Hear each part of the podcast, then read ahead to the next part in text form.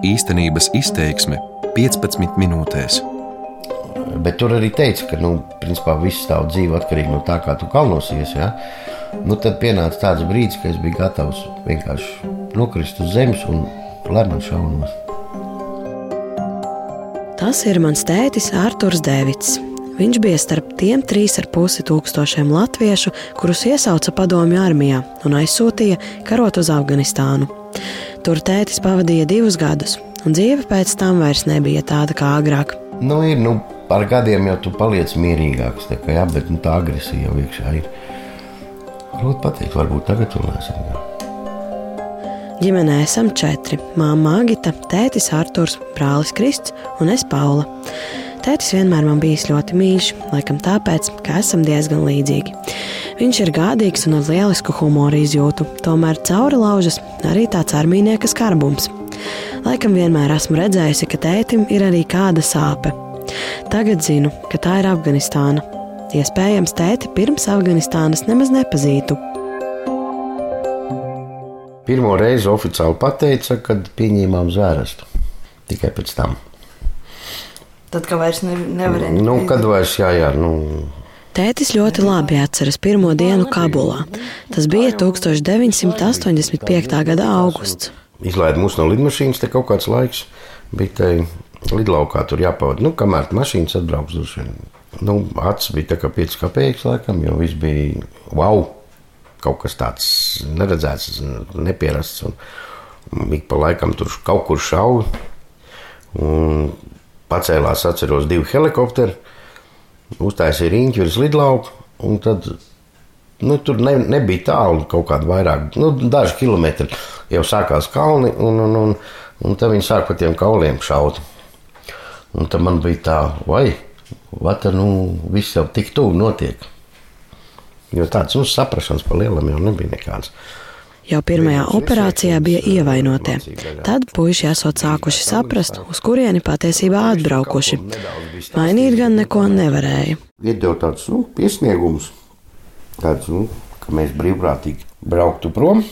Bet nu, tajā pašā laikā populāri apskaidroja, nu, kas būs, ja mēs tur nebrauksim. Tētis atceras, ka viens no variantiem bija dienests aiz polārā loka, un otrs - cietums. Nu, Pirmā reize, kad es skatījos, nu, tad bija tā kā uz ar asarām uz acīm. Nu, tā nāca viss atmiņas apakaļ. Tētis ir aktīvs kara filmu skatītājs. Mama man reiz stāstīja, ka ar viņu ir ļoti interesanti tās skatīties. Tētis zina ļoti daudz par ieročiem un vēsturi. Ir filmas, kuras viņš skatās vairāk kārt. Piemēram, Krievu veidoto Afganistānas kara filmu Devītā rota. Nolēmu, ka kopā to skatoties labāk izpratīšu notikumu gaitu. Vēl kāpēc man šī filma tā bišķi nostalģija, jo viņi tagad eh, kāp, viņi nekāp kabulārā, viņi bagramā kāp ārā. Tur runa ir par 345. desantnieku pulku, jā, un šitie visi džekiņi.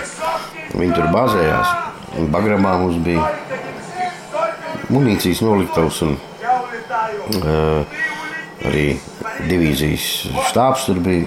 Es tur ļoti daudz reizu bijis. Un, Te savā visgarākajā operācijā trīs mēnešus ar šitiem desmitniekiem bija kopā. Tētis stāsta, ka atceras gandrīz visu. Dienās bija ļoti karsti, bet naktīs kalnos uzreiz augstums. kaut kāds seģenis, trofejs arī bija. Kā trofejā dabūjis. Nu, ko no vietējiem dabū.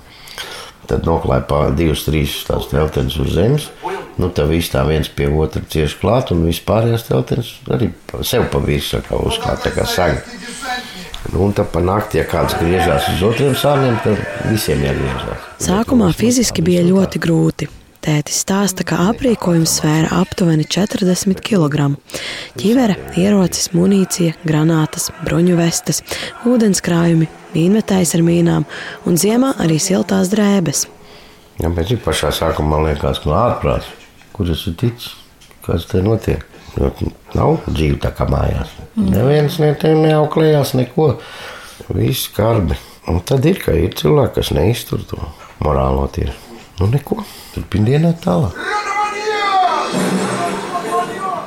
Nē, šeit es gribēju pavieglo Nu, vakarā viņš par to samaksāja.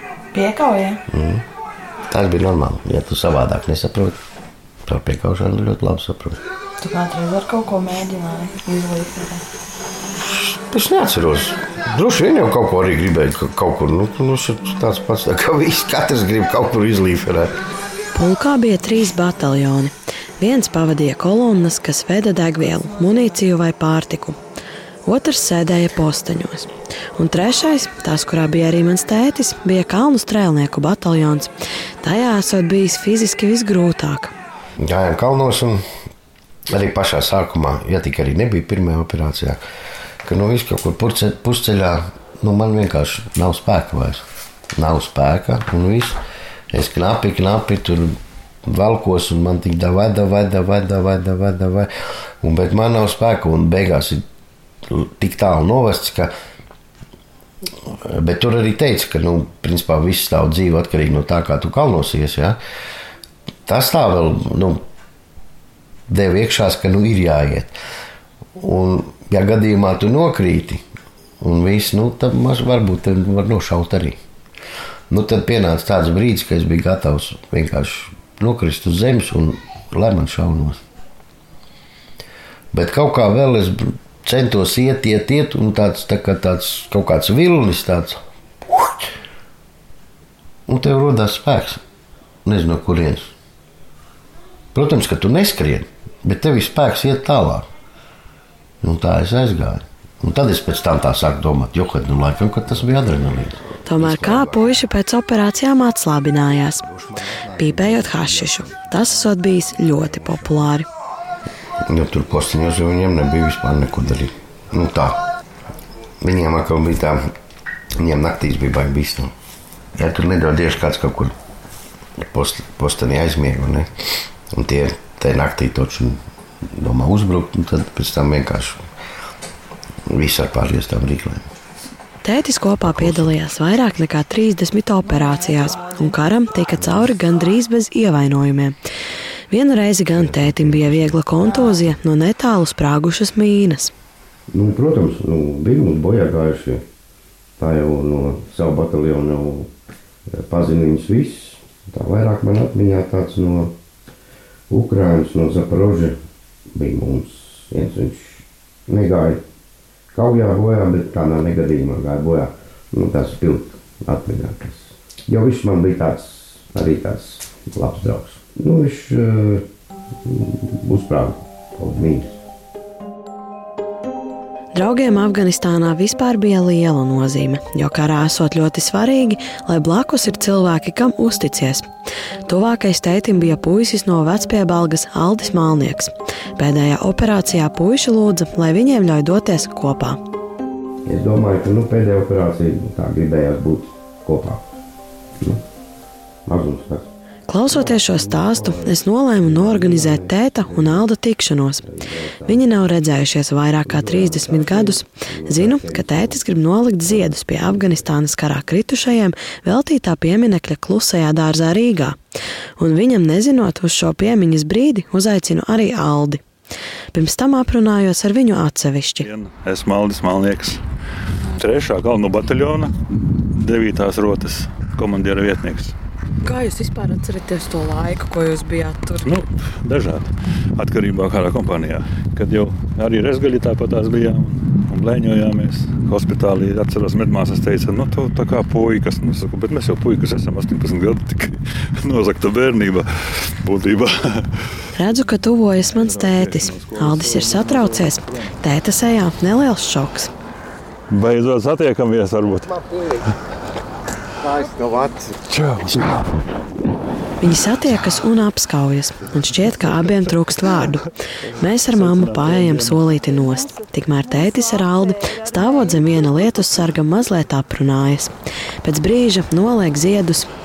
Tikmēr ārā ļoti stipri līst. Tāpēc nolemjam tikšanos turpināt kafejnīcā, kur abi kavējas atmiņās. Bet arī, kā tu teici, kad, kad, kad vienu brīdi jau nācām no tiem izbraucieniem, kad apkrāpjamies un nāc mājā. Oi, bet tiešām tas nekad nebeigsies. Tā jau kā, kā nāca no darba mājās apmēram. Pēc diviem gadiem abi brauca kopā mājās. Precīzu dienu, kad varēs doties, puiši uzzināja pēdējā brīdī. ar vilcienu braucām. Tā bija svētdiena. Rīgā izkāpām, braucām uz stāciju. Nu, tad jau bija vispār tāds satraukums, ka nu, nezinu pat, kā to izteikt. Nu, no saules es jau nevarēju nosēdēt. Es stāvēju tamburā un gaidīju, kad skrūna beidzot pienāks. Tīskā pārā un satieku vienu džekiņu, ko labi paziņu. Pa ceļam vēl paziņas satiku, nu vispār bija super. Gan jau smaids līdz ausīm. Nu, bija nu, droši vien kā vairāk aiz ausīm jau pat. nu, atnāca pie durvīm, piezvanīja, bet negāja uzreiz iekšā. Viņi zināja, kad tu būsi. Nē, Nē. neviens nezināja. Un, uh, Viņa tā vienaldzīgi tā atvēra tās durvis, un tad ieraudzīja māru. Nu, tad, nu, tad, nu, tad, nu, tad tur viss skaidrs. Nu, un tā tas divus gadus pagāja, ka mēs tikai gaidījām, un gaidījām, un gaidījām, un gaidījām, un raudājām. Atbrauc, jā. Viņš, viņš teica, lai neprasa neko. Viņš negrib atcerēties. Tēta māmu sauc Tamāra. Savukārt mans vecāks Ansis atceras, ka tētis no kara atnāca ar iesirmiem matiem 20 gadu vecumā. Bija visādi, jā. Pirmās kaut kādas divas nedēļas bija pavisam normāli. Bet likās, nu, tā kā kaut kādā, nezinu, atvaļinājumā, kaut kā tā. Pēc tam sākās, ka nu, kaut kas sāk pietrūkt. Vai nu tas, nezinu, adrenalīns pietrūkst, vai nu, kaut kā dzīve radikāli samainījās. Tu divu gadus dzīvoji vat, vienā režīmā, un te pavisam savādāk. Un, nu, tā pārējai bija tā, kā bija. Ka nevarēja tā rīktīgi saprast, nu, ko tu vispār.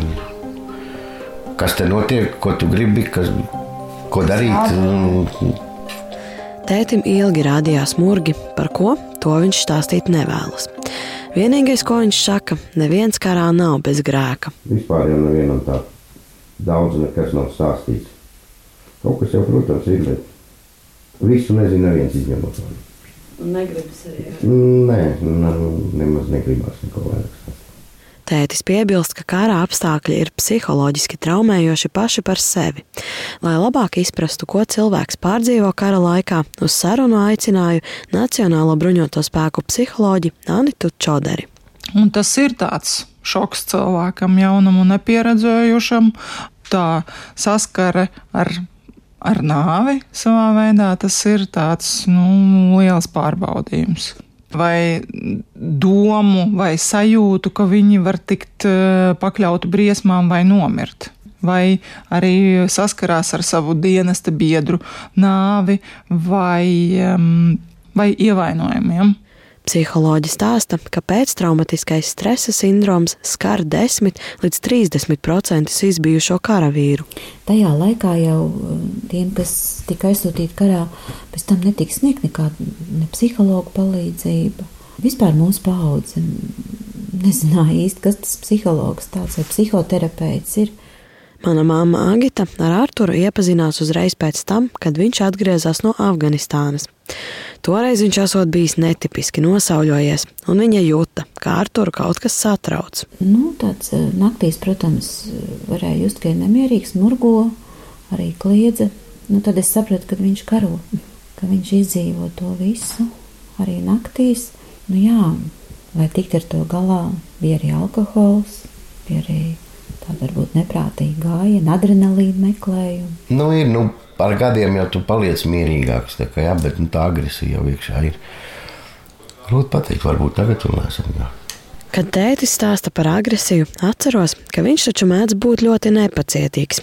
Tomēr tikpat ātri spēja arī nomierināties, visbiežāk uzpīpējot cigareti. Starp citu, armijā viņš vēlāk atgriezās. Latvijas armijā nodienēja 12,5 gadus. Viņš bija divās miera uzturēšanas misijās Bosnijā un Kosovā, un bija gatavs arī doties trešajā, uz Afganistānu.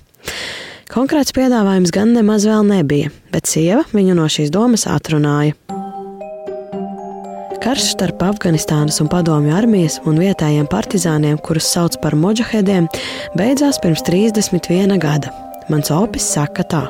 Ko viņi tur aizsargāja? jautājums ir, vai ne? Priekš kā viņi tur bija? Kādas intereses viņi aizsargāja?